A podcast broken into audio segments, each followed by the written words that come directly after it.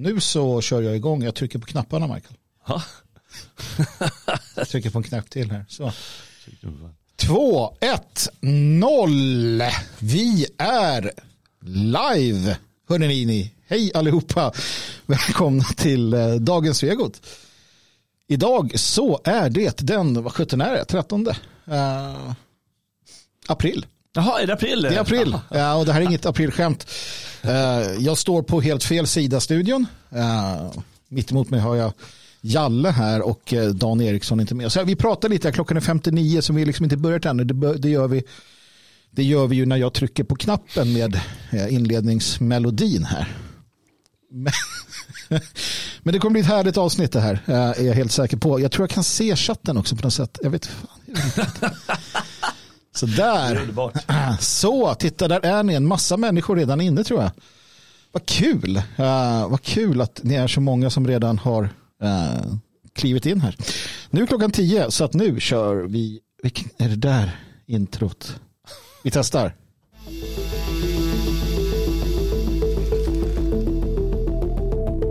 Länk.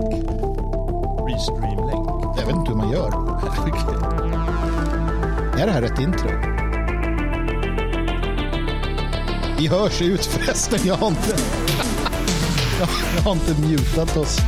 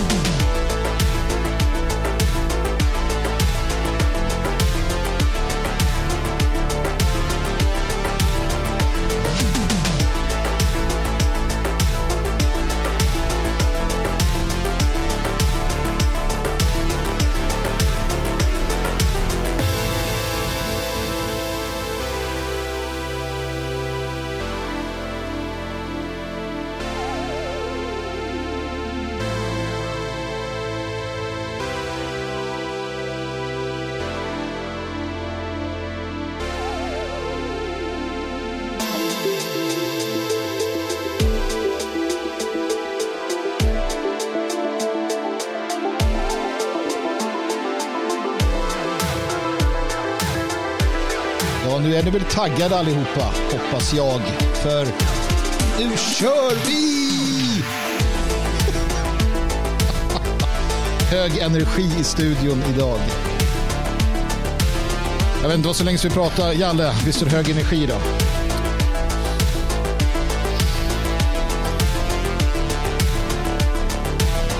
...30 sekunder, sen kör vi på riktigt.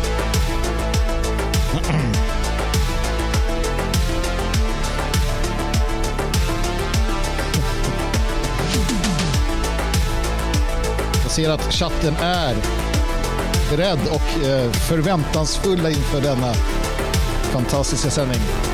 Nu 10, 9, 8 och så vidare, så vidare, så vidare.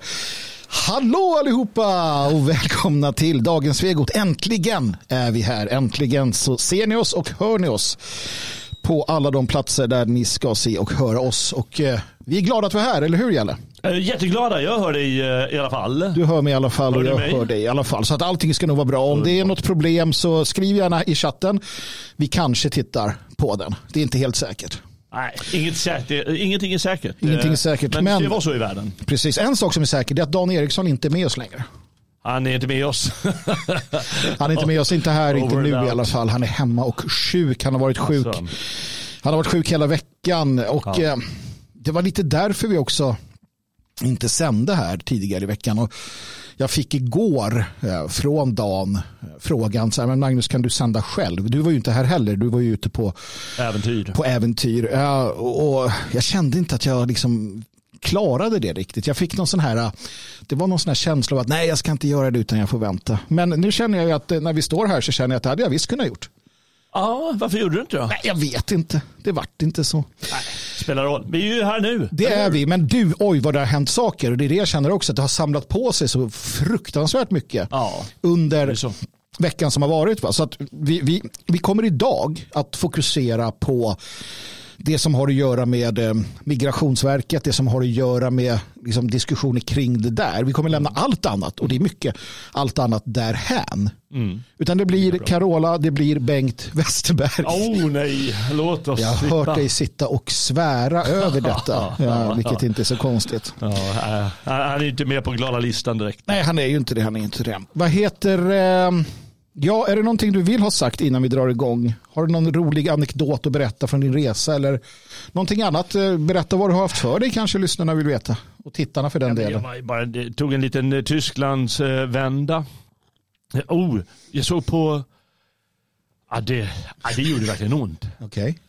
Jag tittade på svensk television eh, på, på båten. Okej. Av någon anledning, jag vet inte varför. Jag ville bara säga, var, var en tv där? Jag har inte haft tv på många, många år. Och tänkte, ja men får se vad det är där med svensk tv då. Och så började jag bläddra och insåg, det är bara, eh, det är bara några saker som visas. Det första är sport. I mängder. Gärna damidrott. Ja. och sen så var det reklam givetvis. Jag bläddrade på några, rekla- eh, några- kanaler och kunde ta allihop. Och sen var det så här tramsprogram givetvis. Med kändisar. Ja. Det var någonting om ba- man skulle baka. Jaha. Så, ja, så bakar kändisar eller så hette det. ja, viktigt program. Ja, Liksom. det är jätteviktigt. Man vill ju veta hur de Det bakar. är jätteroligt. Eller var det om deras bakar? Sån tur hade du inte. Ah, nej, tyvärr var det inte det. Ja, eller kanske var det lika bra att jag slapp dem. Och sen var det givetvis då järntvätten. Ja, Så det var de fyra grejer man fick välja på. det var det ja. Ja. Ingenting var särskilt spännande utav det tycker fatta jag. hur, fatta hur bra damishockey blir i sådana lägen. Damishockey, det är liksom... Damishockey, vad har damishockey att bju- erbjuda? Nej då, men det är väl kul, eh, det är väl kul att tjejerna rör på sig också naturligtvis. Eh, nej men okej, då gör vi som så, eh, Jalle min vän, att vi går in på att prata om Just det, jag ska bara säga det att ni som sitter och väntar på att det ska hända spännande saker på skärmen, det vill säga att det ska dyka upp. eh, Jag håller lite på med sånt. eh, nej, vi håller inte på med sånt. När, Det är Dans grej. Ja, och det kommer inte bli några inklippta saker. Möjligtvis att, eh, att du kör en kuplett lite sådär en passant om det vet, skulle jag visa vet vad jag sig. bjuder på. Vi får se. Man vet aldrig. Men det vi vet att vi ska bjuda på i alla fall det är att börja prata om det här med eh, eh, Migrationsverket och uppehållstillstånden. För att, alltså först och främst, Jalle, paradigmskiftet, blev det inte mer än en plastpåseskatt som ska bort? När Tidöpartierna sa nu blir det paradigmskifte, nu tar vi tur med det här. När det står så här, eh, eh, ska man inte vara i Sverige så ska man åka hem. Eller du vet, de här liksom one-liners. Men det vart plastpåseskatten som försvann. Ja, Nu har jag hört. Så. men det är ju en bra början. Ja, för att när vi, när vi tittar på, eh, och det är Fokus eh, som har då kommit med en, eh, en liten, inte wallraff kan jag väl säga, men en, en, ett ändå avslöjande eller en, en, en välskriven och på alla sätt och vis intressant eh, text. Ja, vi, alltså vi får ju vara tacksamma för att eh, det ändå finns några få journalister som, som gör det här arbetet. Det, det kunde varit många fler och det är ju fler som gör det men det kommer ju aldrig ut. Men vi får vara lite tacksamma att, eh, att Fokus ändå eh, lyckas eh, få ut sådana här grejer. För det brukar ju ja, det brukar bli halt. Mm. Det brukar definitivt bli. järntvättens namn. Jag ser nu att jag eh, är utloggad från min egen. Fortsätt gärna att berätta. Ja, vad- jag berättar. Ja, du är inte med där men Jo, eh, jag kommer snart. Okej, ja. men eh, det är den här fokusartikeln. Och eh, jag tycker det är jättebra. Det Fria Sverige har ju har ju lagt ut en, en artikel eh, där man beskriver problemet lite kortfattat. Det. Och, eh, de, de finns ju bakom betalväggar, fokusartiklar, måste Ja. man vara prenumerant. Och den är ju väldigt eh, bra att, eh, att läsa. Liksom. Mm. Eh, Men, men det, det, för det jag reagerade på eh, när jag såg den här texten, och det, alltså, jag vet ju om det här någonstans, men, men ändå så, så blir det varje gång liksom så tydligt. För att Malmer Stenegard, ministern, sa de som inte har rätt att vistas i Sverige ska ut. Det, är liksom, det har varit budskapet från eh, regeringen. Redan innan det blev en regering så liksom sa man att nu skulle vi ta tur med det här. Men så tittar man då på, på eh, verkligheten och får en liten inblick här då hur det går till. För det är tydligen inte så lätt som det låter. Och då har man då från Fokus sida då har man intervjuat en person som jobbar på ett förvar. Jag misstänker, sak samma vilket, vilket jag misstänker att det är. Men då så, så, säger de så här, och det är så här det går till. Och jag ska läsa för oss alla nu hur ja. det går till när vi ska avvisa en person. Jag eskorterar en utvisad person till flygplatsen. Där ställer de till bråk, vilket leder till att de inte får gå ombord. Och det behövs inte spelat mycket för att säkerhetspersonalen säger ifrån. Sen är det bara att köra tillbaka personen som skulle utvisas till förvaret igen. Men eh, gör ni fler försök? frågar journalisten. Ja, proceduren upprepas tills maxtiden för förvarstagandet går ut. Och de får sitta i förvar i två månader. Vilket kan förlängas upp till ett år. Därefter måste vi släppa ut dem. Vad menar du? Ni släpper alltså ut personer med utvisningsbeslut och som har bedömts inte vilja samarbeta? Ja, vi släpper ut långt fler på gatan än vi utvisar. Men vad händer med dem sen? Vi bjuder dem på bussbiljetter så att de kan ta sig därifrån. Men i regel kommer någon polare och hämtar upp dem. Sen är de borta. Sen är de borta och eh, det här handlar om att Migrationsverket då inte får använda våld. De får inte använda tvångsmedel när de utvisar. Utan det ska då överlämnas till polisen.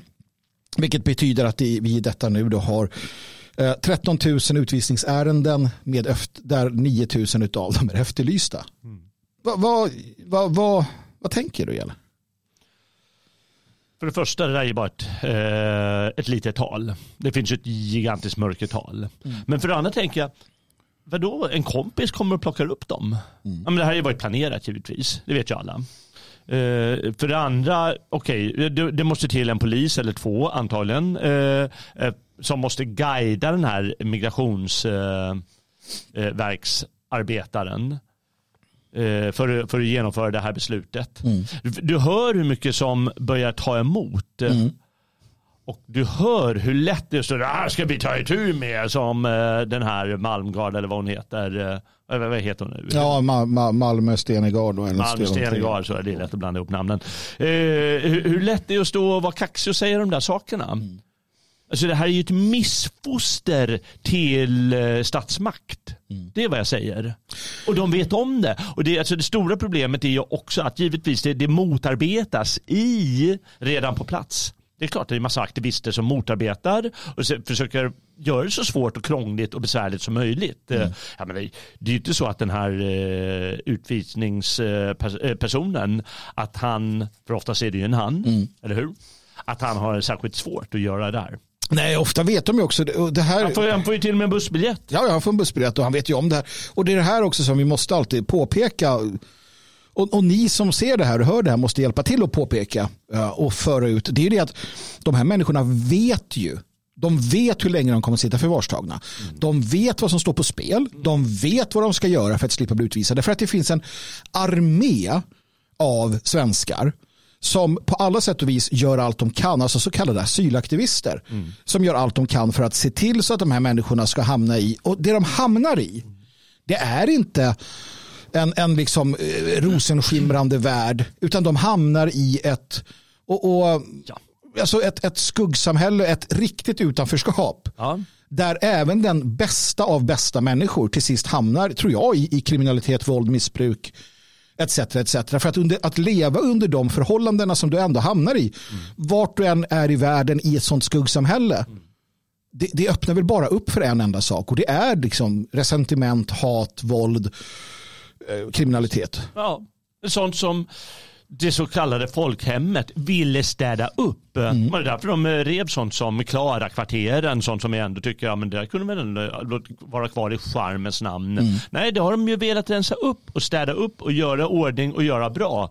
Och så säger de att nej men det ska vi skita i, det ska vi bara sopa igen alltihop nu. Och jag vill säga en sak till där och det är det här med att eh, eh asylaktivister men det är inte bara asylaktivister och med det tänker vi personer som, alltså, som, som lobbar för det, eh, som eh, tillhör till exempel AFA eller någon annan organisation som bara vill, gärna vill förstöra här i landet. Mm. Utan eh, måste ju förstå att eh, asylindustrin, det är en gigantisk industri det här. Vi kallar det dess rätta namn. Människosmugglarindustrin. De personer jobbar givetvis på Migrationsverket fler av dem. Jag kan inte tänka mig någonting annat. Eh, vi vet ju att, de liksom, att det är gängkriminella som har eh, så att säga invaderat eller tagit över socialkontoren i staten. Skulle vara annorlunda på Migrationsverket? Nej, givetvis inte. Och det, de här människorna de hjälper till också och eh, de håller på med människosmuggling.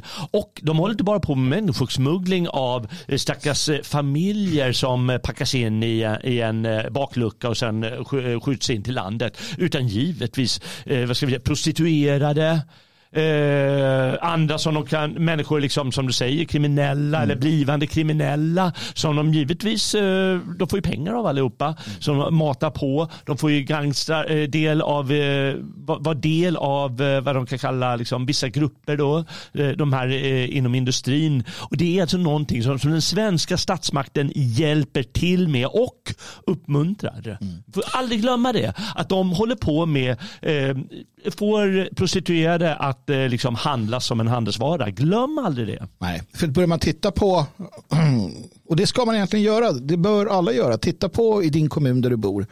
Titta på, kanske inte vad, vad liksom lokalpolitikerna de är ju oftast politiker, men titta lite grann på deras släktingar, deras hustrur och så vidare. Helt plötsligt börjar man se att det är konsultverksamheter, det är firmor och företag som helt plötsligt alltid får de där jobben.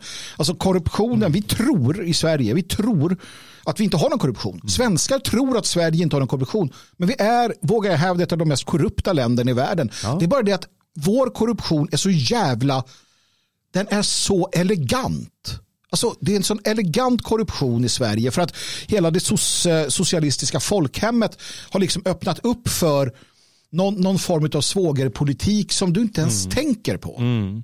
Ja, vi, vi, har ju naiv publik också, det, det får man inte glömma. Att folk, som du säger, de, nej, men det kan ju inte vara så att det är korrupt. De är ärliga och rediga människor. Mm. Och glömmer att eh, de, de, som jobbar på verken, alltså inte allihopa, men, men några av dem, det räcker kanske med att några av dem, ja. några inom politiken, många inom journalistiken, eh, inom sådana här, som du säger, det är ju företag, de vill ha fördelar, de vill ha vinster. Eh, de, de, de, vill hålla på med sitt, så det är självklart att det blir korrupt. Och vad händer då eh, i, eh, det här korrupta, i ett korrupt samhälle? Mm man kör över medborgarna. Mm. Och, och, det har vi poängterat flera gånger att ingen eh, så här, SOM-undersökning eller vad det finns för opinionsundersökningar har i svensk historia velat ha den här invandringen. Nej, nej. Alla har sagt nej, vi borde begränsa det. Istället fläskar de på ännu mer. Ja, men verkligen. Och det funkar bara i ett ruttet, korrupt samhälle. Ja. Och det är ett stort problem. Mm. Uh, sen är det ju så att vi också kan konstatera va? att uh, hela systemet har ju Alltså även om Malmö Stenegard eller vad nu heter mm. och, och, gänget vill göra någonting mm. så är ju systemet i sig väldigt trögjobbat. Det finns lagar, det finns förordningar, det finns regler. Låt oss, bara, låt oss bara gå igenom här och det här är också en sån sak som, som vi kan, kan konstatera då, hur svensk lag fungerar. Um, I det här sammanhanget, i den här kontexten, ska jag be att få läsa då. Svensk lag fungerar som så att om en person söker asyl i Sverige så måste denna person. Den måste vara fri under processens gång. Man får inte heller hålla någon i förvar för att bekräfta personens identitet. Och Det här gör då att vi har fått ett enormt skuggsamhälle. Så om du kommer till Sverige och söker asyl och de säger okej, okay, vem fan är du då? Eh, och, och, vi vet ju, förstår ju att processen tar tid. Då låter man den här människan gå fri. Mm. Och, och, och, försvinna om den vill. Mm. Alltså, jag kommer till Sverige och säger jag behöver asyl. Okej, okay, jag skriver lite lappar som bara hej då. Ja. Va? Och, så, mm. och, och, och får de avvisningsbeslut. Då kommer det alltså på posten mm. till antingen en av Migrationsverkets flyktingmottagningar mm. eller vart de nu säger att de bor. Så kommer ett brev som säger hej Ahmed. Du är avvisad, utvisad, du får inte vara kvar i Sverige. Du ska inställa dig här och här då och då för vidare transport till bla bla bla och utvisning. Kommer ett brev. Och, och det här är så jävla svenskt för att vi förväntar oss, jag menar hela, vi har ju det i, om du döms till fängelse i Sverige så kan du ju i många fall få inställelseorder att du ska till fängelset vid en viss tid. Och svenskar är så ja men okej, jag har gjort fel och nu ska jag in och sitta i fängelse några mm. månader och mm. de går dit. Ja, just det. Men det är för att vi är vi. Det här ja. funkar ju inte när du har människor från... Där har Ja, Ja, men där har du och det. Det, det säger en ting som liksom börjar vidga perspektiven eller förståelsen för det hela. Och det är vad du beskriver nu är ju hur ofantligt lätt det är att komma in. Ja. Och hur ofantligt svårt det är att eh, bli utvisad. Mm. Hur lätt är det inte att stå och säga vi, tar, vi vill ha invandring. Vi kör bara, ja men vi provar lite. Mm.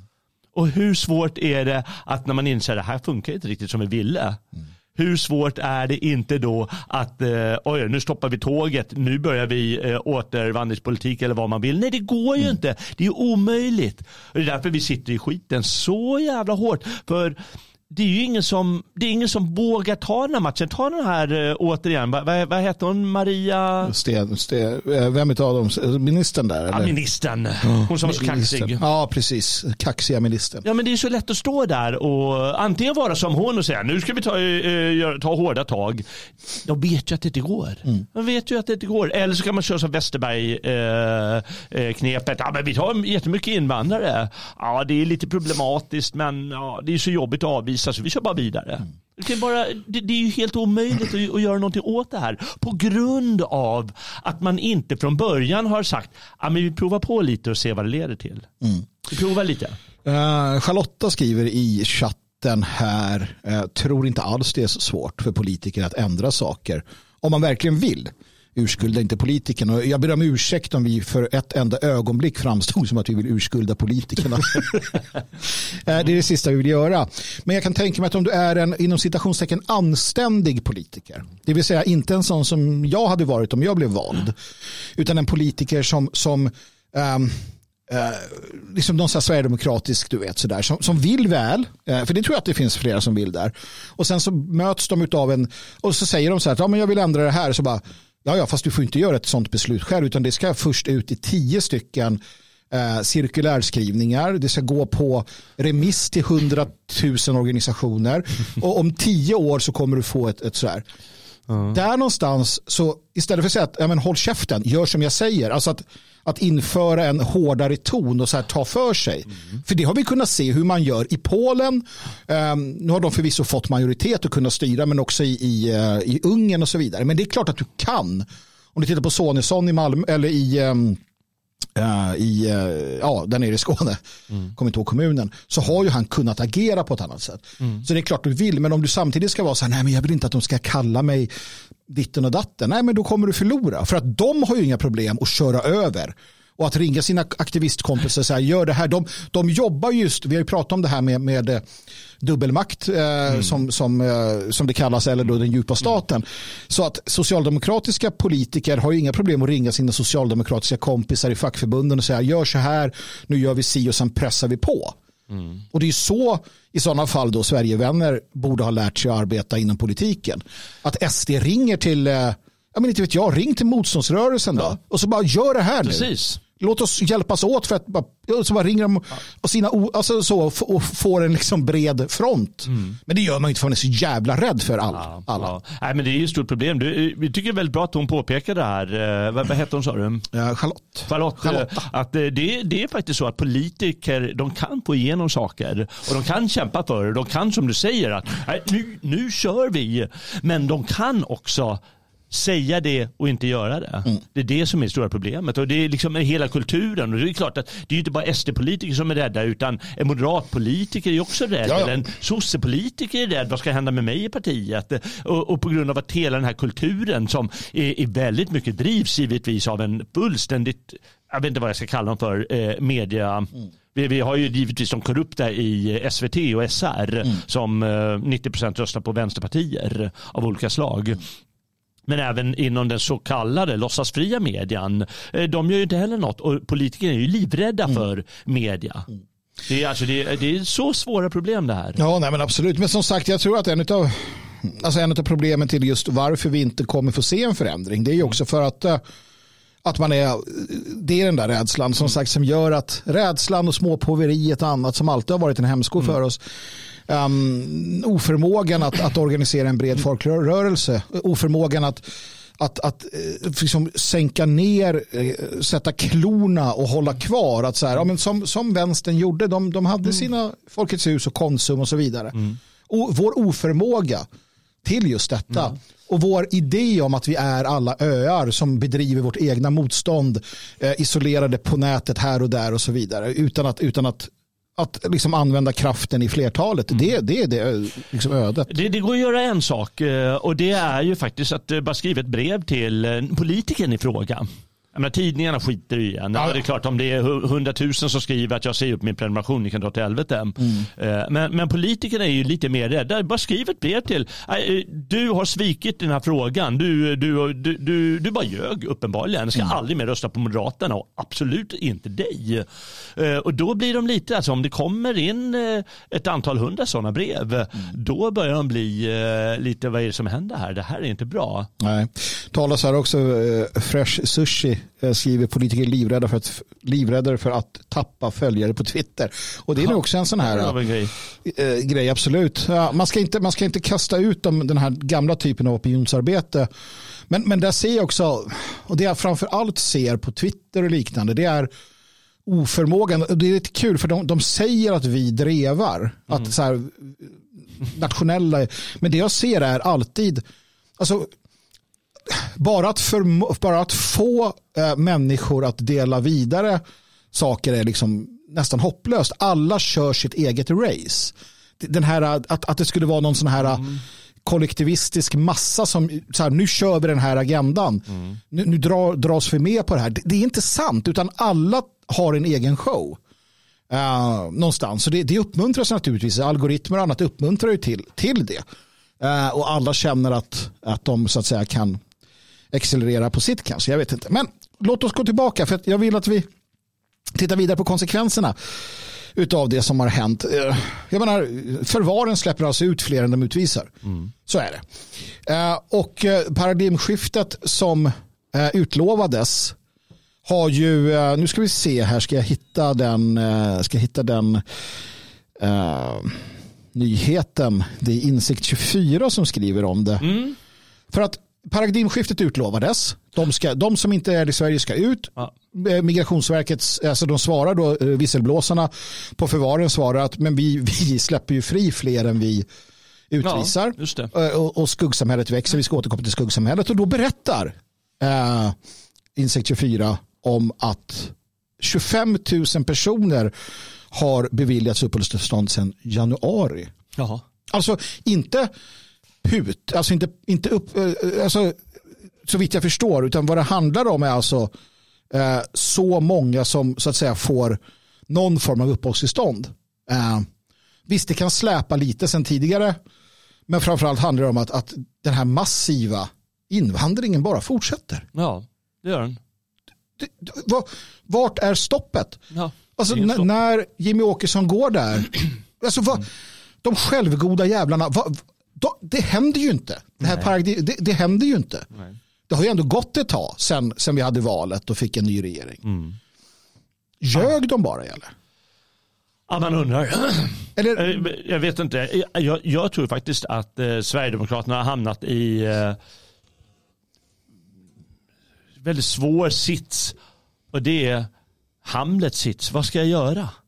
De vet ju att de måste, göra, de måste åstadkomma någonting. Jag måste göra någonting. Men de klarar inte av att agera. De vet inte hur de ska agera. Mm. De vet inte vilka, vilka trådar ska de dra i. Du sa det här, vi måste ordna med demonstrationer. Vi måste göra någonting. De, de, vi måste ringa våra polare. Nej, de, de, de klarar inte av det här. Du, du vet ungefär som den här som eh, sitter i, i Uh, alltså betalningsfällan. Liksom, du får en räkning. Fan, bara lägger den i byrålådan. precis. Där orkar, jag tror, undrar om de har hamnat där någonstans. Ja. För de var ju också kaxiga. Eller kolla, vi har kommit in och vi får igenom våra saker här nu. Nu börjar det hända saker. Mm. Men det händer ingenting som de säger. Och det här är ju det sorgligaste av allt. Så här har det fortsatt år efter år efter år efter år. Och det är ingen som tar, visar, vet du, belyser de här siffrorna. Eftersom vi har en korrupt media. Mm. Framförallt då, eh, det är problemet, stora problemet är givetvis eh, Sveriges Television och Sveriges Radio. Mm. Som inte nämner de här sakerna. Att, eh, trots att vi skulle dra åt, eh, strama åt det hela. Trots att vi var tvungna att bygga de här murarna. som vi sa att vi inte skulle bygga mm. och så mm. vidare. Så kommer det ändå in 100 000 per år. Mm. Nej, men är det lite att man, eh, ja alltså kan det ha kommit in en viss känsla av att det, alltså kan det ha varit så att, att SD fick Uh, när de hamnade i utskotten och tittade på allting och fick liksom den här inblicken som de inte haft, att de så här, nej men det här går ju inte, alltså vi kan inte göra någonting. Det, här, det går inte att stoppa det här. Alltså att, att de kom fram till någon sån här känsla att, nej men vänta nu, det, här, det går på riktigt inte. Mm. Alltså det är kört. Mm. Att de, att de så här, men vad fan, alltså massinvandringen har, för att, kommer du ihåg, nu ska vi se, nu ska jag samla tankarna innan jag säger så, jo så här, uh, när vi bestämde oss för att avveckla försvaret en gång i tiden, mm. Vet du vad som hände då? Jo, det vi gjorde var att vi dels sålde ut allting på överskottsbolaget. Vi förstörde. Alltså vi tog material och förstörde det. Det är inte att vi stoppade undan det, utan vi förstörde det. Fullt fungerande militärt material förstördes en mass. Alltså det, det skrotades, slogs sönder, det gjordes obrukbart. För det skulle inte gå att använda. Det är helt sinnessjukt. Alltså det finns liksom ingen mening med det. Men det vi ser är en tendens eller ett faktum att så fort politikerna bestämt sig för något så gör de det oåterkalleligt. Det vill säga när man bestämde sig för att nu ska vara en mångkultur då har man jobbat stenhårt på att det ska inte gå att ändra det. Du, alltså, man måste köra på så hårt mm. och liksom förstöra så mycket att det inte ska gå. Ja, att det är en medveten strategi. Ja, tänk om det är det. Jag tror, ju, jag, jag tror inte det är så enkelt att ha en sån eh, strategi. Ehm, vem vet, det finns säkert de som, som har jobbat på det sättet. Eh, som har, som har verkligen, ja men det här som, som säger, det här ska vi göra oåtkalligt. Eh, men jag tror inte det är så många politiker som är så bestämda. Det kräver ett väldigt mm. bestämt sinnelag för att göra det och bestämt sinnelag i, i, en grupp eh, för att genomföra det. Jag tror däremot att det största problemet återigen att de här politikerna de tror att de klarar mer än de gör. Mm. Det är det stora problemet. Eh, någon, någon, någon så pervers idé om att de kan, ja, de liksom, kan, nu kan vi, vi hindra tidvattnet. Ja, de kan, precis. Ja. ja. Det, bara som vi sa här nu eh, förut, att det är lätt att, ja men fan låt dem komma. Mm. Men det är svårt att, att, göra motsatsen. Men de tror att de kan göra motsatsen. Fan, det, det fixar vi liksom. Mm. Men de fixar inte alls det. Eh, dels på grund av sin egen oförmåga och dels på grund av allt motstånd som finns. Lite som en rökare som säger, nej men jag kan sluta när jag vill. det, här är inga problem, jag är inte ja, beroende. Nej, nej, nej. Nej men ändå så då har vi alltså fått då eh, sen januari 25 009 och det här kommer bara rulla på. Vi måste förstå att det här det fylls på hela tiden. Alltså vi utvisar i princip ingen och det var som, eh, som, som jag läser här då en eh, konstapel inna. En, en tidigare polis och hon arbetar på Eh, hon har arbetat på Migrationsverket och är tidigare polis. Hon säger i den här artikeln lite så här eh, bara vid sidan om att, att eh, har du väl kommit in i Sverige så behöver, kommer du aldrig utvisas. Alltså, har du bara kommit in över gränsen mm. så är det klart. För att du har ju också det här intressant. I Sverige så har du alltså åtskilliga kommuner som om du går upp till dem, till socialkontoret och säger Ej, jag heter Ahmed, jag är illegal, invandring. Min fru och mina tolv barn bor här äh, i din kommun. Äh, vi vill ha peng. Då kommer kommunen säga självfallet. Mm. Du är illegal, du kan inte på något sätt bevisa att det här är dina barn eller så. Men du är här och då har vi som policy, till exempel Malmö, att vi betalar ut bidrag till dig för ditt uppehälle och vi säger ingenting till polisen. Dina barn får gå i skolan sjukvården, varenda överlöpare, varenda svensk överlöpare mm. som fan tar mig borde hänga från en, en bro mm. inom skola, inom myndighet, inom, äh, äh, inom äh, vården. Varenda en av de här jävla godmänniskan mm. säger, titta, titta, här kommer Ali, han är illegal. Vi ska hjälpa honom. Mm. Tandläkaren säger, de här är illegala, ge dem gratis. Alltså det finns ett sånt jävla Eh, en sån armé av sådana här människor som ser bara det enskilda. Oftast eh, är det kvinnor för att de har en tendens att se bara individen. Mm. Ja, men det är ju synd om Ahmed och hans familj. Ja, det kanske det är. Mm. Men vad händer om en miljon Ahmed och hans familj kommer till Bromölla? Ja. Eller Malmö. Ja, det skiter man i att tänka på för man kan inte tänka så. Man tänker väldigt litet. Mm. Ja. otroligt litet. Jag menar, det är väl bara att tänka, aha, men hur många människor är, är det inte synd om som inte kan få tandvård på grund av Ahmed och hans eh, tolv barn mm. och fru. Och då Ahmeds kusiner och allihopa som också kom med och hade, som hade tolv barn. Och som inte ens är kusiner för han Nej. behöver inte bevisa någonstans. Nej. För i Sverige behöver du inte bevisa. Nej. Nej. Och, och det betyder att vi vet, hur lång är kön till eh, folktandvården? Fem år eller vad var det? Mm. Tio år? Mm. Fattar ni? Men förstår du absurditeten i det hela? Tio år. Mm. Bengt Westerberg säger att var tredje tandläkare är YTIS. Ja. Eh, så det funkar ju som smort här, eller hur Bengt Westerberg? Precis, Bengt ja. din jävel. Vi ska återkomma till dig Bengt. Ja, vi. ja ge dig en riktig jävla rågång. Men uh, nej, uh, och, och, det här var då ett fall, Ahmed i Malmö. Uh, och om vi då tittar på för alla får ju inte socialbidrag naturligtvis. Nej, uh, nej. Men väldigt många. Uh, mm. Du måste ha barn. Framförallt om du har barn så får du alltid socialbidrag. Så det är väl bara norpa ja. någons jävla unge då. Um, utan det är den. Men sen då så har vi ju det här skuggsamhället. Mm, skuggsamhället ja. Och jag vill minnas att till exempel uh, Drottninggatan-terroristen tillhörde skuggsamhället. Ja, gjorde han. Med flera, med flera. Det är ganska ofta. Jag tror att han som knivhögg en liten flicka i Göteborg, en Eh, här bara för någon månad sedan. Mm. Alla har glömt det nu. För att, att knivhugga svenska barn, det är ingenting vi egentligen bryr oss om. Ärligt talat, vi skiter rätt mycket i om du knivhugger en sjuårig flicka i halsen. Ja, De flesta svenskar, mm. säg 99,9 procent av dem så här, äh, äh, det var ju inte jag. Nej, så knivhugg gärna små barn. Ofta. Alltså gör det, för vi kommer inte bry oss. Det är ju, Ja. Jag blir väldigt arg när jag tänker på det här. För det är ärligt talat signalen som i princip all, alla svenskar som inte säger emot, som inte ställer sig öppet och ärligt säger att nej, jag är inte för detta. De tycker att det är okej att knivhugga små barn. Ja. Punkt slut, det är min logik i detta. Uh, det kan man gott ta till sig, jävla uh, CPn. Men så här då. då. Uh, skuggsamhället består av människor som dels får pengar via socialbidrag men eh, också via kriminalitet och annat. Det är psyksjuka, det är människor som mår dåligt, det är människor som är kriminella, det är människor som tvingas in i kriminalitet och prostitution och så vidare. Hur många är de här då? Hur många? Ja, det vet vi inte för vi har ingen aning. I Sverige har man ingen kontroll på befolkningen. Nej. Men, bara som en siffra, i artikeln tro, tror jag man talade om runt 100 000. Mm. Under 2014-2015 så var det en polis som sa i, ett, i, i bara sådär i en intervju och sen pratar man inte mer om det. Men han sa i en intervju att för varje person som kommer som vi kan registrera så kommer det en, minst en som vi inte kan registrera. Ja. Som försvinner ut i samhället. Ja. Det kom ungefär 200 000 människor under de, den tiden. Det är bara den tiden. Och det är bara den tiden och om vi då håller polisen eh, trogen sitt ord så är det alltså 200 000 offentliga, alltså sådana som blev inskrivna mm. och 200 000 vi aldrig såg röken av. Plus de 100 000 vi har här då som vi har haft. Så det är 300 000, 400 000, 500 000. Jag vet inte. Mm. Därför så finns det någon hejd på siffran. Nej, det finns ingen hejd på den. Vi har ingen aning. Nej, vi, vi har ingen aning. Ingen aning. Och skulle polisen mot förmodan eh, ställa sig och eh, eh, ta legitimation på människor i tunnelbanan som under reva mm då är det tvärnit för att det är rasism och diskriminering för ja, att diskriminering. de går efter hudfärg.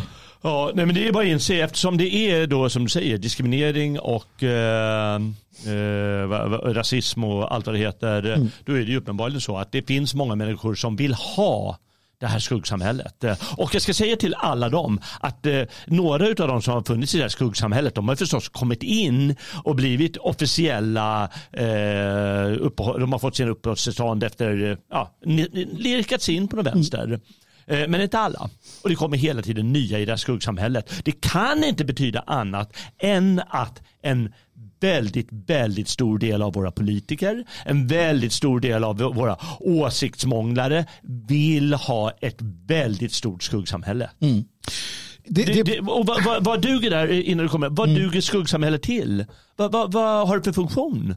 Vad duger, för, för, för, låt oss säga både svenskar och eh, invandrare. Mm. Vad duger skuggsamhället till? Hjälper det dem? Eller skälper det dem? Det, det tog ju skälpa de flesta människor. Jag antar det. För att jag tänker så här, och låt oss då vara, vi är medmänskliga du och jag. Mm. Jag, är en jävligt, jag är en jävligt medmänsklig kille ska du veta. Mm. Mm, det är du. Jag har ju ett stort jävla hjärta. Uh, altruistisk är jag också. Och jag kan, jag kan och jag säger inte det som, alltså jag är det. Och, och därför så tänker jag just, för det blir så svårt att förstå varför man vill ha ett stort skuggsam, skuggsamhälle. För att om jag tänker på, jag har under en period i mitt liv levt på bidrag, SOS-bidrag. Det var delvis eh, något jag liksom valde för att jag trodde att jag skulle kunna. Liksom så. Men det jag vet är att man mår dåligt av det. Att, att, att vara en svensk som går på bidrag, då mår man dåligt. Eh, och, och vad händer när människor, om vi tar då, och, och, jag tycker vi kan utgå från att de flesta människor är rätt schyssta. Mm. Alltså det är inte, de flesta människorna är rätt schyssta i mm. grundutförandet. Va? Uh, men problematiken hamnar ju då att människor som hamnar, till exempel så blir du lovad vissa saker av flyktingsmugglarna. Du betalar dyra pengar och du kommer hit, George Soros och hans foundations hjälper dig och du flyktingaktivister hjälper dig och sen kommer du hit och sen så lämnar alla dig på en migrationsverkets förvar och sen får du klara dig själv. Mm -hmm om du tar hundratusen sådana som sen inser att vänta, jag får ju ingen hjälp. Jag, jag, jag hamnar i skuggsamhället och där står det då människor och bara, men vi behöver soldater i vårt gängkrig eller vi behöver prostituerade, vi behöver det och det och det. Alltså en politiker som står för den här politiken ja. skadar ju människor. Ja, det alltså, de måste förstå det. De måste se det. De måste inse det. Jag tror att de inser det. Och där går vi tillbaka till det faktum mm. att den här dödskulten, den här, de vill, de vill skada. De vill att människor ska må dåligt. Eh, de kan ha olika skäl till det. Mm. Ett skäl kan vara så enkelt som att vi behöver det här för att kunna blåsa upp staten. Staten mm. är det jag lever av. Mm. Jag är ju politiker, jag lever på stat. Ja, men vi mm. måste blåsa upp staten och därför måste vi ha det här för så många kommer vara nödvändigt. Alltså, mm. eller, eller, vad det kan vara. Va? För jag kan inte annars se det. Om jag är en god människa som vill människor väl, då vill jag inte ha ett skuggsamhälle. Eller? Nej, det borde ju vara så. Eh, dels har du, det finns onekligen en sån dödskult eh, som, som vill, eh, ja men det här får gå till helvete. Mm. Kanske liksom den enkla, ja, men jag är ju inte i centrum, mm. ja, det får bara gå till helvete då. Jag blev inte lyckad, jag är inte så bra på saker och ting. Eh, det är resentimentmänniskan.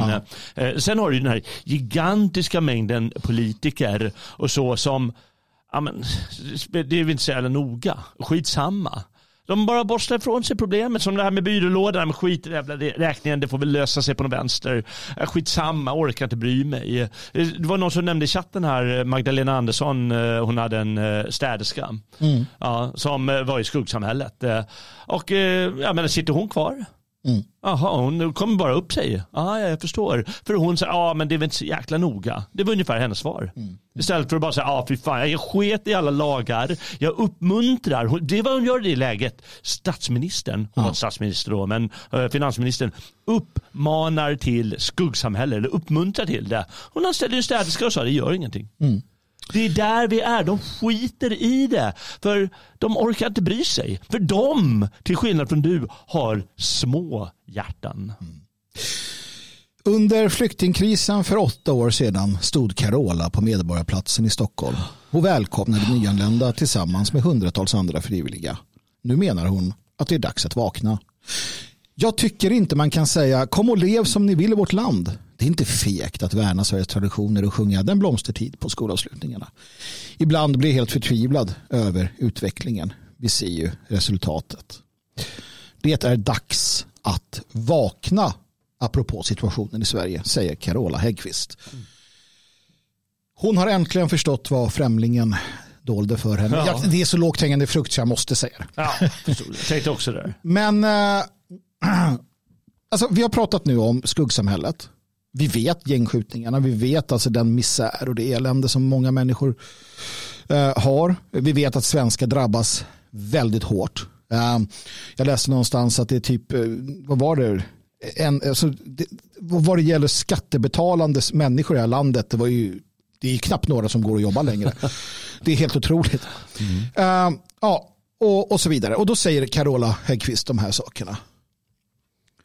Och, och, ingen kan väl ha missat att vi har problem i Sverige. Alltså permakrisen är ju ett faktum. Mm. Och när Carola säger det här, vad blir reaktionen? Jalle, har du sett några reaktioner från, från kultur? Ja, det är väl framför allt det, det är några så, jo, men muslimhatare blev hon. För att hon tycker att det är jobbigt att det inte sjungs eh, Blomstertid kommer. Hatande, hatande människa. Mm.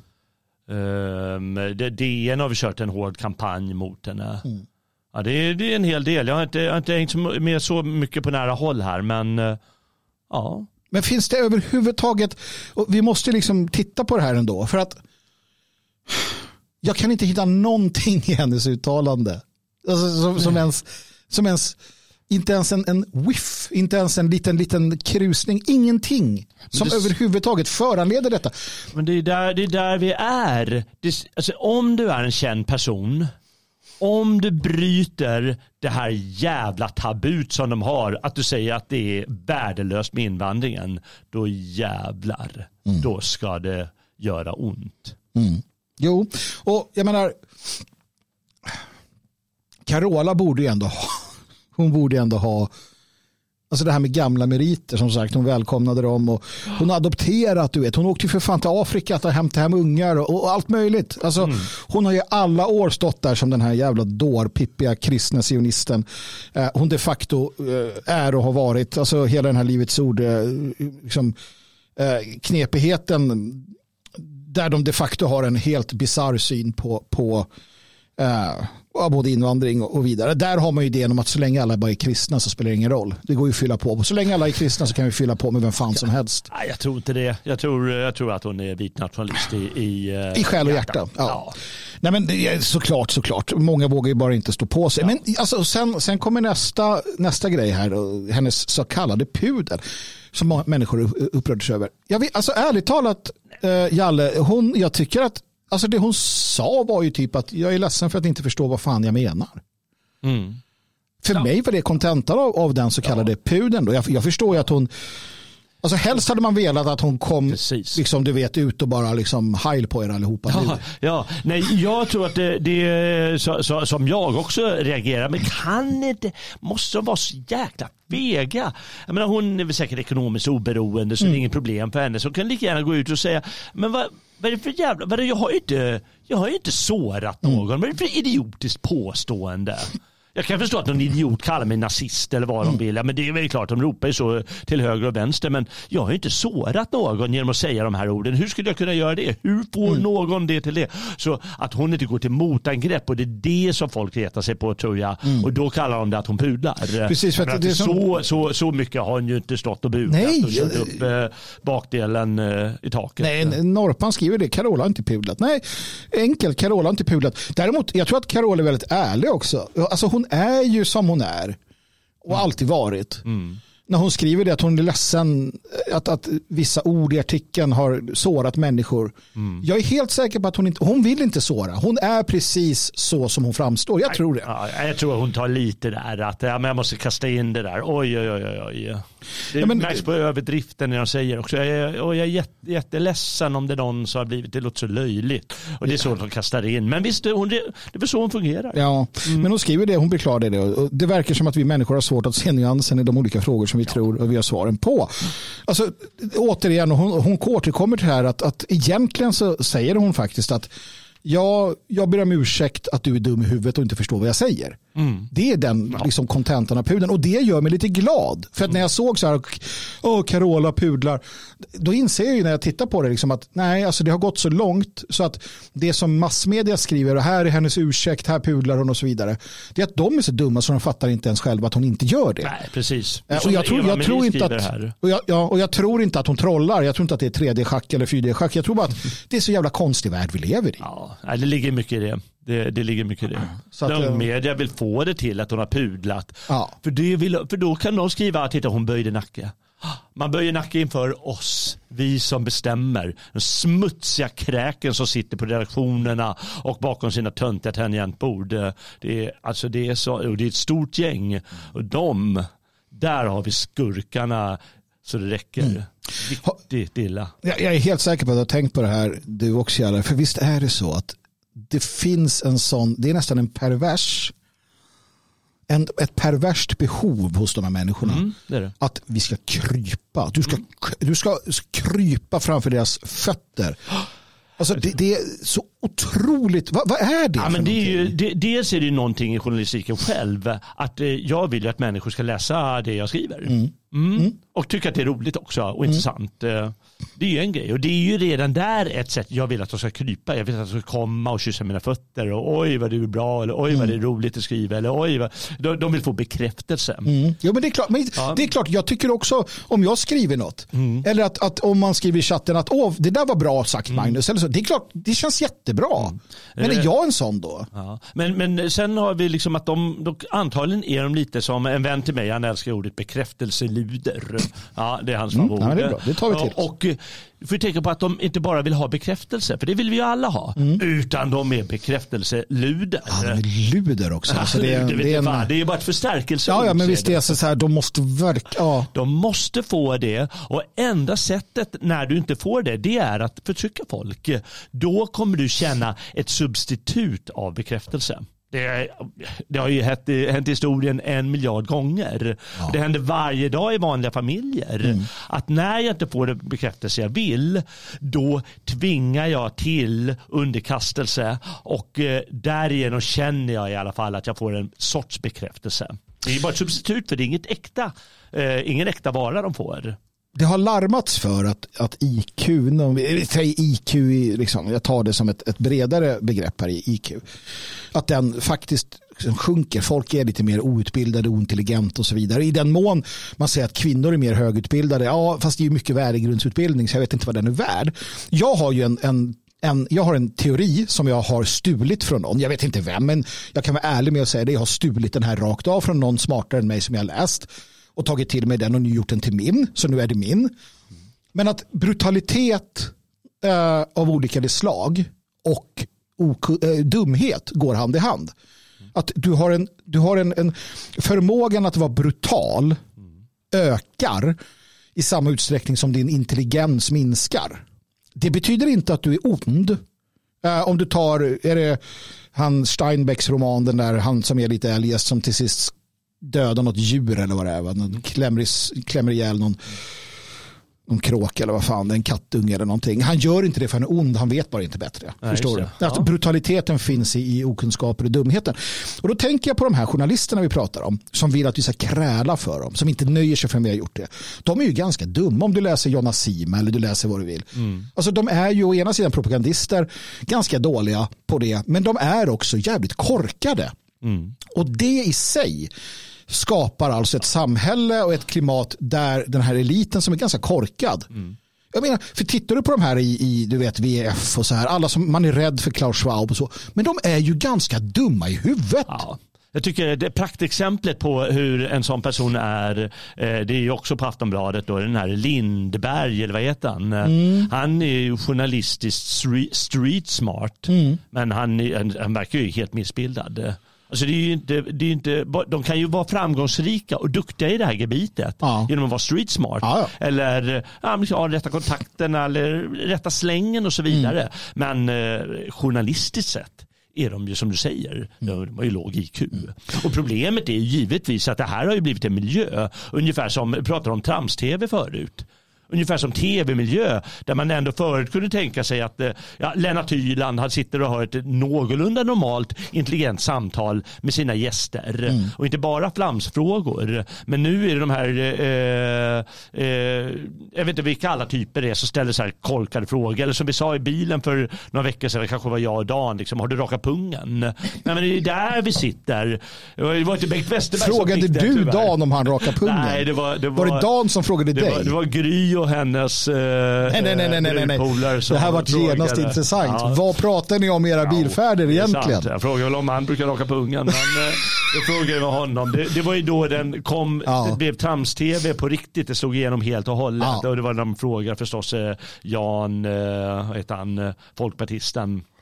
Inte, nej, inte Björk, han före. Ja. vad han nu Ja, vad han nu De är ju så många. Vet Ja, du. jo, men det byts ju. Ja, om man rakar pungen och det är ungefär det vi är, då betyder det att det är låg intelligens på de här tidningarna. Man måste fatta det. att det, det, det kan vara några som är skitsmarta, Mm. men det betyder att det är, samtidigt det, är en hel drös som är korkade. Ja. Det bara är så. Ja, men det är helt, eh, helt klart. Jag minns en annan sån här, alltså så här där dumheten kom in. Det var när Stina Dabrowski, Mm. eh, så här, skulle få alla hennes intervjuobjekt att så hoppa. Oh. Kommer du ihåg det? Så här, att, Jo, jag kommer ihåg. Kommer du ihåg när hon, sa, väl- när hon försökte få Thatcher att hoppa? Det var fan det bästa jag varit med om. Ja, Thatcher så här, helt bara, Är vad du en idiot eller? Ja, men hon blir ju, hon blir ju hon, bara, vad fan är det med dig liksom? Det säger någonting om, om detta. Och jag menar, det är ju, eh, Horan Engdahl har ju, han har ju, han har ju rätt i det. Att när, när han sa det här när han bodde i Tyskland och satt på kantcafé och läste dagstidningar. Just det här att, att Sverige är som Sverige är som Tyskland, eller Tyskland är som Sverige fast för vuxna. Eh, just när det kommer till den här typen. Men visst, det är ju ganska fördummat där också. så Ja, att visst, jävla det- tyskar är ju för det- fan knepiga. Det är väl bara att de har en liksom lite större elit då, eller vad man ska kalla det för, som faktiskt är en elit. Vår elit är ju inte en elit. Nej, den det är är ju- jag undviker det där eh, ordet konsekvent. Nu sa jag det. men vi tar är ju eliten. samma. Eh, Ja, vi är ju elit. eh, är på- sant. i sådana fall, Ja, liksom. ja. Och det är därför det här ordet etablissemanget är mycket bättre. Ja. För det är inte eliten, utan många utav dem är dumskallar. Mm. Och det är viktigt att hela tiden säga. Och vet du varför det är viktigt? Mm. Därför att då tycker de att det är pinsamt. Så man måste hela tiden säga, och du, du, du säger, du säger när du säger det här nazist och när du ska skriva din artikel om, om det, om Messi och så, då är du korkad. Mm. Därför att du inte har intelligentare medel att komma med. Därför att du egentligen inte tycker det du säger. Mm. Utan du har bara resentimentet i dig att göra folk illa. Eh, Eh, jag tänkte ta en fråga från chatten men sen så kom det ett så jävla konstigt och dumt eh, inlägg så att jag tänker inte göra det längre för den verkar ju vara helt eh, verklighetsfrånvänd. Utan jag tänker att vi ska just titta på jag, jag tänker att vi just ska titta på Jalle mm en person som, som, som på något sätt då har lyckats krångla sig kvar vid någon form av, inte makt kanske, men inflytande eller att, att vara en person som det ändå vänds till ibland. Mm. Eh, tack och lov mycket, mycket sällan på senare tid, men som nu då har eh, lyckats. Det här är en människa jag växt upp med. Det här är en människa som under många år har liksom präglat, inte präglat mig, men som alltid har funnits i debatten. Och, och en människa som på alla sätt och vis har gjort allt han kan för att förstöra Sverige. Han heter Bengt Westerberg Oh, och karljäveln lever fortfarande. Ja, fy fan. Han har nu skrivit en eh, artikel, Oj. en insändare till DN, Mm. denna fantastiska tummelplats. Eh, och och jag hörde dig sitta och läsa lite ur den här eh, tidigare, Jalle. Du och, skrattade högt det var kul. Men låt mig bara börja med hur den gode Bengt Westerberg förklarar det här. För jag börjar tänka på det här nu när du pratar om det här med du pratar något om antal, så här, så här, att si och så många. Det var något om, om antal och så. Jag bara tänker att det, det är lite bra för att han pratar ju mycket om antal i den här. Han, det är mycket siffror. Eh, och han gör ju en klassisk eh, dum sak. Men bara det här. Bara, jag är tillbaka till mitt 90-tal. Alltså det, det, här, är, det här doftar 90-tal. Jag ska be att få läsa. När inlandsisen för 14 000 år sedan började försvinna från det som idag är Sverige fanns inga människor här. När de första renjägarna kom hit låg isen ännu kvar i Småland och de kunde se mammutar vandra på Sydsveriges slätter. Alla vi som nu bor här i detta perspektiv, är i detta perspektiv ättlingar till invandrare. Invandringen har också fortsatt under de tusentals år som har förflutit sedan dess. Den har ofta varit helt avgörande för Sveriges utveckling. Jalle Horn för i helvete. Alltså, Mm, det här är 90, det är 80-tal. Det är 90, alltså, har vi inte kommit längre än så här? Men du kan ju också tänka att Bengt Westerberg, han har inte tänkt så många tankar i sitt liv så han fyller ju bara på med samma sak som han gjort tidigare. Men det är ju historiskt oriktigt. Jag orkar inte gå in på det, men det är historiskt. Alltså det finns eh, så här. Isen smalt både norrifrån delvis, men söderifrån. Så det, det, det finns en viss sanning i det han säger. Men vi har hittat mycket äldre här nere. Alltså, åh, det är så jävla dumt. Det är så, bara där börjar dumheten. Men, men det är klart att alla människor på hela jorden är ju invandrare på något sätt. eh, Eller hur? Ja.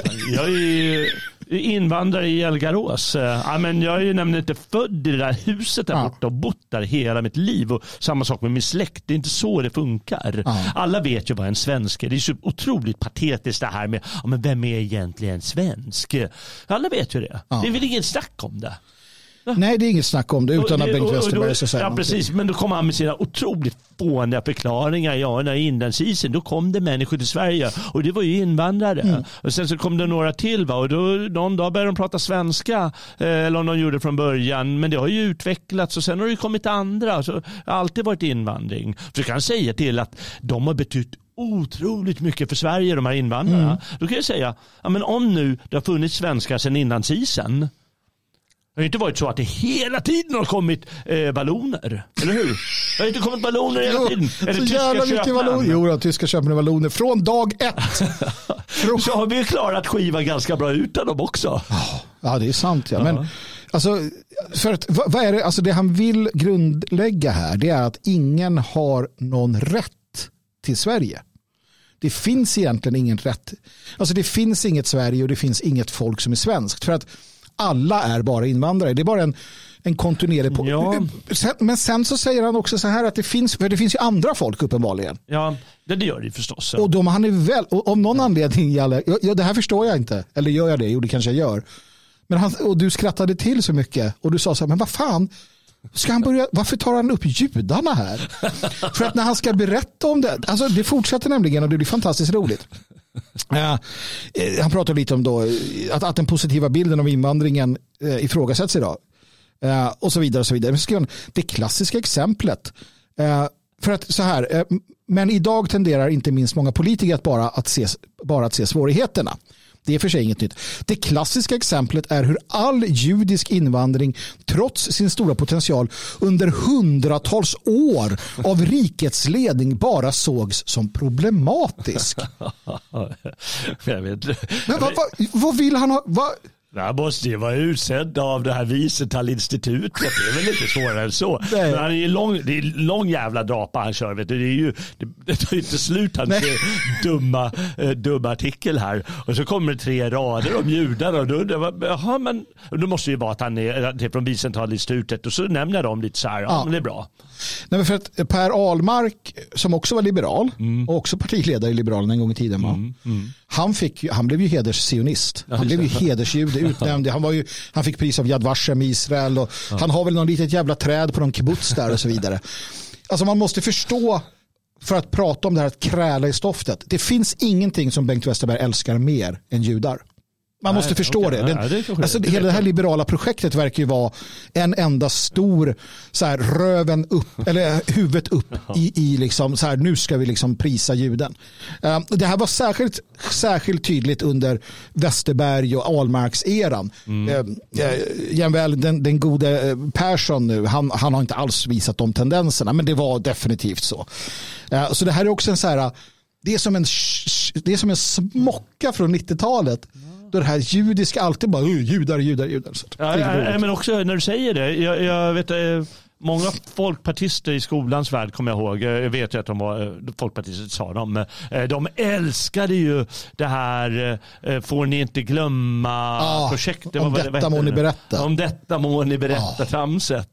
De älskade det. Ah. Oj vad de älskade det. Men det, jag tror att det var en, en det, var, det, var, det är definitivt en ersats. Bland de här människorna en ersats för religion.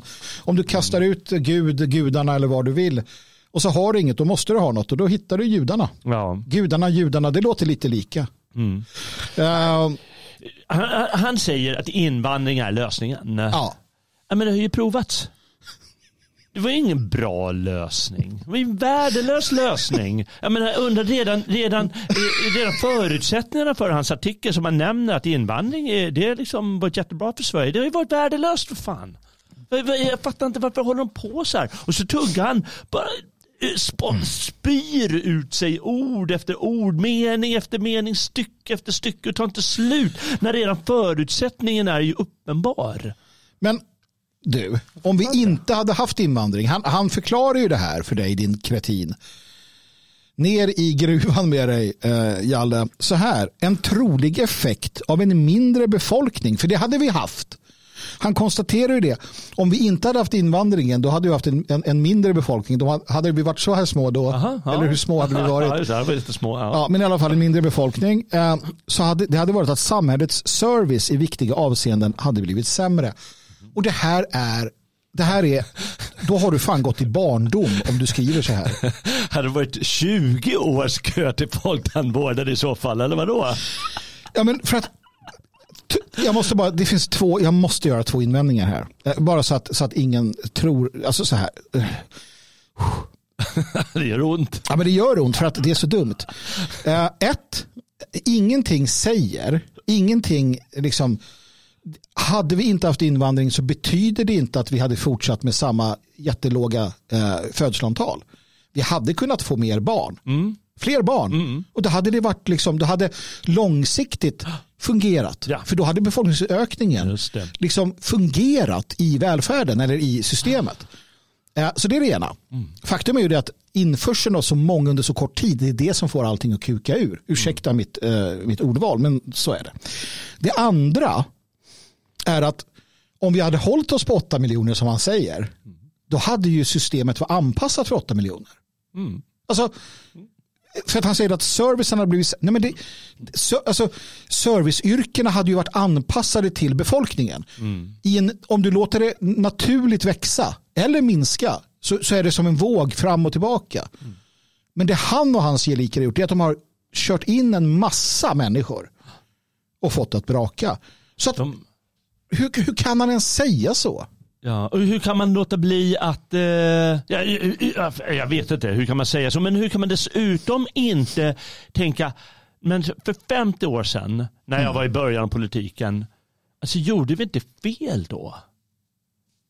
Alltså upp, vi uppmuntrar så många som män, eh, unga människor att göra abort. Inte st- skaffa familjer. Inte få barn. Vi uppmuntrar dem ju till det. Och då fick vi lösa med invandring. För vi kommer ju gå i pension. Det kom på ganska sent att vi kommer ju gå i pension.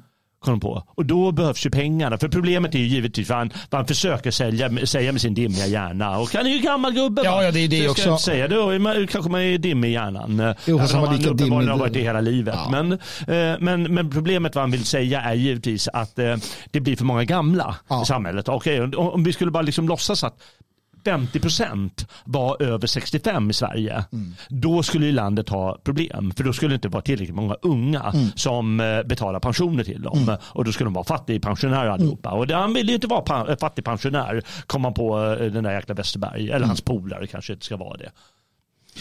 Nej men precis. För att sen, det- det är som sagt väldigt mycket dumhet här. Och det är liksom, jag vet inte om de har, jag vet inte varför det inte har med det här. Om de tänker att vi skakar, låter den här gubb, fan skaka ur sig gamla, gammal skåpmat som liksom, Ja, det, det, är- det är det pinsammaste av allt, att de bara tar in det skräpet. Men vad var det jag sa? Var det Wiesenthal-institutet kanske? det kan vara så. Han, då är det inte omöjligt att Nej. de bara säger åh det måste vi ta in, ja, ja bock och buga. Tack. Nej, men precis, för att sen kommer han ju då med, med eh, de här vanliga sakerna. Han, han säger att ja, nej, men det, det, kan, det är ju problematiskt såklart och det, det kan vara så. Vi måste satsa på integration, säger han. Vi måste satsa mer. Han skriver så här. Men det krävs, för att han, han, han tar upp Järva som ett så här, det, där går det bra nu. Han, han, på riktigt tar han det som ett exempel. Där, vi ska lära av Järvaområdet. Och så säger han men det krävs alltså ökade insatser för att alla ska klara grundskolan. Politiker måste uthålligt avsätta nödvändiga resurser och skolorna måste utnyttja dem rätt. Men ärligt talat, uh, i hela mitt liv, 45 år, så har jag hört om integrationsprojekt.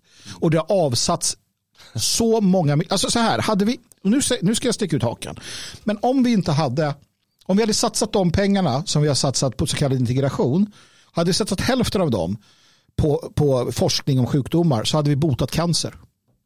Jag är helt säker på att vi hade bort cancer. Vi hade haft en mycket bättre vård. Vi hade kunnat bota ALS säkert. Vi hade kunnat bota en massa saker. Men vi gör inte det. Vi skapar inte bra förutsättningar för att vi pumpar in. Alltså det är sådana extrema pengar. Alltså det går inte ens att räkna ut. Vi pratar miljarder upphöjt till miljarder. För att inte tala om resurserna, det vill säga människorna ska, som ska jobba med Precis. idiotin, Ja. bara trampa Ja. vatten. Då kan du förstå att samhället, intelligensgraden inte går framåt, att Nej. liksom initiativförmågorna som politikerna uppenbarligen inte har på rätt Nej. sätt, beslutsförmågan, att den tappar när allting ska trampa vatten. Ja. Och, det, och det är ju det man gör då. Ehm, och, och när allt det här är sagt då konstaterar han att det finns all anledning att vara optimistisk. Det är verkligen hårresande som du säger. När hela ditt liv har du bara sett att vi måste ha mer integrationsprojekt. Vi måste ha integrationsprojekt. Var, kommer det här måste ifrån? Får jag fråga dig det? Ja. Varför heter det måste? Det är därför att det inte funkar. Nej men precis. Nej, ja, ja men precis, det gör ju inte det. För att invandring, eller nu ska jag citera honom. Men invandring... Invandringen är också en del av lösningen på de utmaningar vi står inför. Precis som den har varit genom Sveriges historia. att, att jämföra, och det här är det bästa som finns, att jämföra, äh, inte vet jag, vad sa vi, några liksom, italienare på 60-talet eller finnar mm. eller så med 200 000, 300 000, en halv miljon, en miljon. Mm. Det låter sig inte göra Bengt Westerberg. Du är en sån jävla idiot. Ja. Um, och Carola vaknade upp och vi får hoppas att uh, Bengt Westerberg snart somnar in. Definitivt. Ha, Jalle min vän. Vi uh, har närma, vi har utan tvekan hamnat vid randen av slutet, ravinen. Min vän Magnus, vad menar du? Jag, jag vet inte. Jo, jag menar att vi är klara för dagen. Ah, ja, ja, okay. Vi har uh, lyckats genomföra och genomdriva vår, uh, vår vilja i uh, att sända. Vi, vi, vi, måste nog ha gjort det, för jag har sett chatten har varit igång i alla fall och de har kommenterat oh. saker som vi har sagt. Eller det har varit ett, ett samband i alla fall, så jag tror att vi har lyckats. Jag tror vi har lyckats. jag är glad att du på något sätt fick upp det här också, så du kunde se. Jag skickade ju ingen länk till dig. Nej, jag fick upp det på något sätt. Ja. Vi, vi, har ju jobb, folk som jobbar i bakgrunden. Jag fick upp den på något sätt. Vi har ju folk som jobbar i bakgrunden.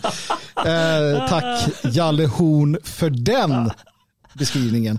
Jag eh, tänker att jag vill önska er alla en fantastiskt trevlig dag. Gå gärna in på svegot.se om du gillar det vi gör. Uh, och uh, varför inte då bli en så här en sån här stödprenumerantsmedlem, människa som Eh, Eh, put your money where your mouth is. Dan är mycket bättre än mig på det här känner jag. Uh, så att jag överlåter åt Dan att när han är tillbaka göra reklam för oss på olika sätt och vis. Detfriasverige.se tycker jag definitivt att du i alla fall ska besöka. Uh, med det sagt mina vänner så uh, ska jag trycka på en sån här knapp som gör att det kommer ljud och därefter så är det slut för dagen. Det kommer stängas av allting och så. imorgon är vi tillbaka med eller utan Dan Eriksson. Tack ska ni ha. Eh, säg hej då till varandra. Ha det fint. Sköt om er och på återseende imorgon.